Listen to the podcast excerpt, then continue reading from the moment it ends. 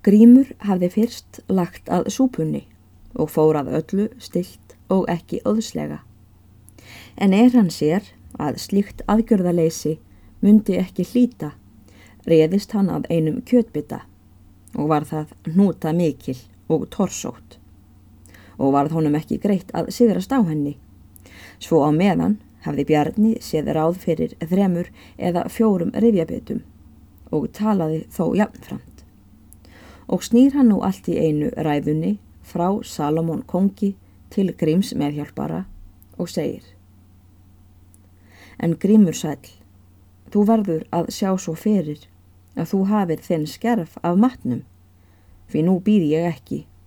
Ég er fljótur að taka fæðuna á meðan hún er til, en súpuna er ég vanur að sötra á eftir. Grími hafði ekki þótt aðfarir bjarna með öllu góðar, þó hann í fyrstu leti kyrtum. En þá er Bjarni, hófst máls á, virðist honum að hann erði að svara. Sleppir hann um stund hnútunni frá munni sér og segir síðan. Ég fer að öllu sem hægast, Bjarnin sæl. Ég hef jafnan haft fyrir augum það sem hinn vísi sírak segir. Vertu ekki óseðjanlegur af ljúmeti og ráðstu ekki gýrugur til fæðunar. Það hefur verið seinlætis maður, þessi sírak sem þú segir frá. Því það hef ég staðreint, að þeir sem eru æði lengi að geta eru þungir og döfir og slinnalegir þegar þeir eiga að vinna. Og svo hugsa ég þessi sírak hafi verið sem þú talar um. Hvaða mannskeppna var það? Talaðu virðulega um drottins útvalda, Bjarni góður, sagði Grímur. Ég tala virðulega um mannin fyrir það, þó ég kalli hann skeppnu, því allir menn eru skeppnur, og þó ég haldi hann hafi verið seinlatur. En varðla mun hann hafa verið meiri vitmaður en Grettir heitinn Ásmundsson og vildi hann hafa matsinn á reikólum en enga refjar sem hún var því maðurinn var ákaflega stór og eftir því hraustur, eins og sérst af grettistökonum á miðfjörðarhálsi og víðar. Allir sírak hefði getað sett þá pilta á hlóðir í fangi sínu sem þeir standa. Það var mikið hvað sá maður orkaði, en það hefur sannfróður maður og sannorður sagt mér að Grettir hafi verið þrjár álnir danskar og þrjú kvartil um herðarnar. Sá einfaldi trúur öllu, en hikkin maður aðtógar sinn gang, segir Salamón. Hver hefur sagt þér það, Bjarni Sæl, að Grettir hafi verið þrjár álnir danskar um herðarnar og þrjú kvartil? Ég held það hafi einhver sagt þér það sem hefur gaman að því að glettast við þig og gappa og skrökva að þér að því þú ert sagður nokkuð trúgjarn sónur sæl, sagði Grímur og velti vöngum. Hugsar þú Grímur góður að telja mér trú um að það sé lígi sem sannorðinni menn hafa sagt mér um Gretti Ásmundsson að hann væri frjár álnir og þrú kvartil um herðarnar og betur trúi ég því en þínum orðum.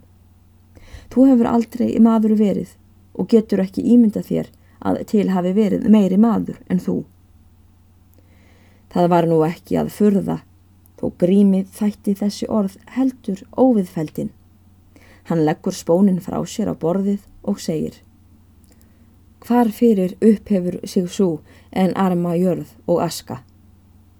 Í þessum svifum grýpur bjarni tveim höndum, fatið hið mikla og setur barmin á mun sér og svolgarar í tveimur tegum það sem eftir var í því, af súpu.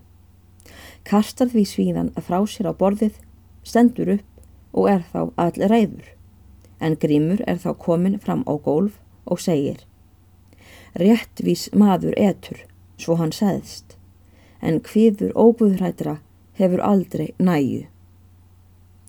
Bjarni er þá og komin fram á gólfið og er þá við sjálft búið að hann muni ganga að grími en í því byli hleypur Sigurður og Egil millið þeirra.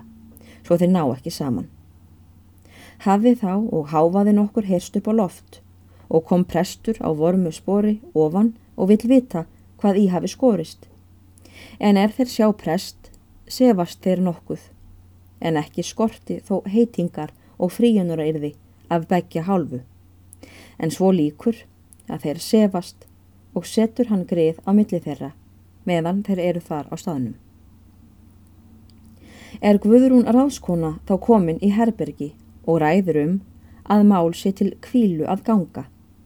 Segir hún það með að svo hafi verið til ætlast að þeir bjarni og grímur skildu vera kvílunautar en Egil og Sigurður lægi saman í hinurúminu. En grímur aftekur það með öllu að þeir bjarni sofi saman og hvaðst heldur þegar á brott fara og vildi hann ekkert samneiti hafa við fylistegan. Varð svo aða líktum að þeir feðgar, Egil og Grímur sváðu saman en Bjarni og Sigurður lágu í öðru rúmi. Voru þeir Bjarni og Grímur sáttir að kalla en þó skorti ekki heitingar ef þeir fyndust í góðu tómi. Gjörði grímur helst ráð fyrir að kalla eld af himni og steipa honum yfir bjarna. En bjarna þótti ráðulegast að fá auksina grimmugíi og klúfa grím í herðar niður. Sváfu þeir nú allir af um nóttina, en um morgunin, snemma, fór bjarni á stað sem hann hafði ætlað og var lengi kallt með þeim grími og bjarna eftir þetta sem síðar mun sagt verða.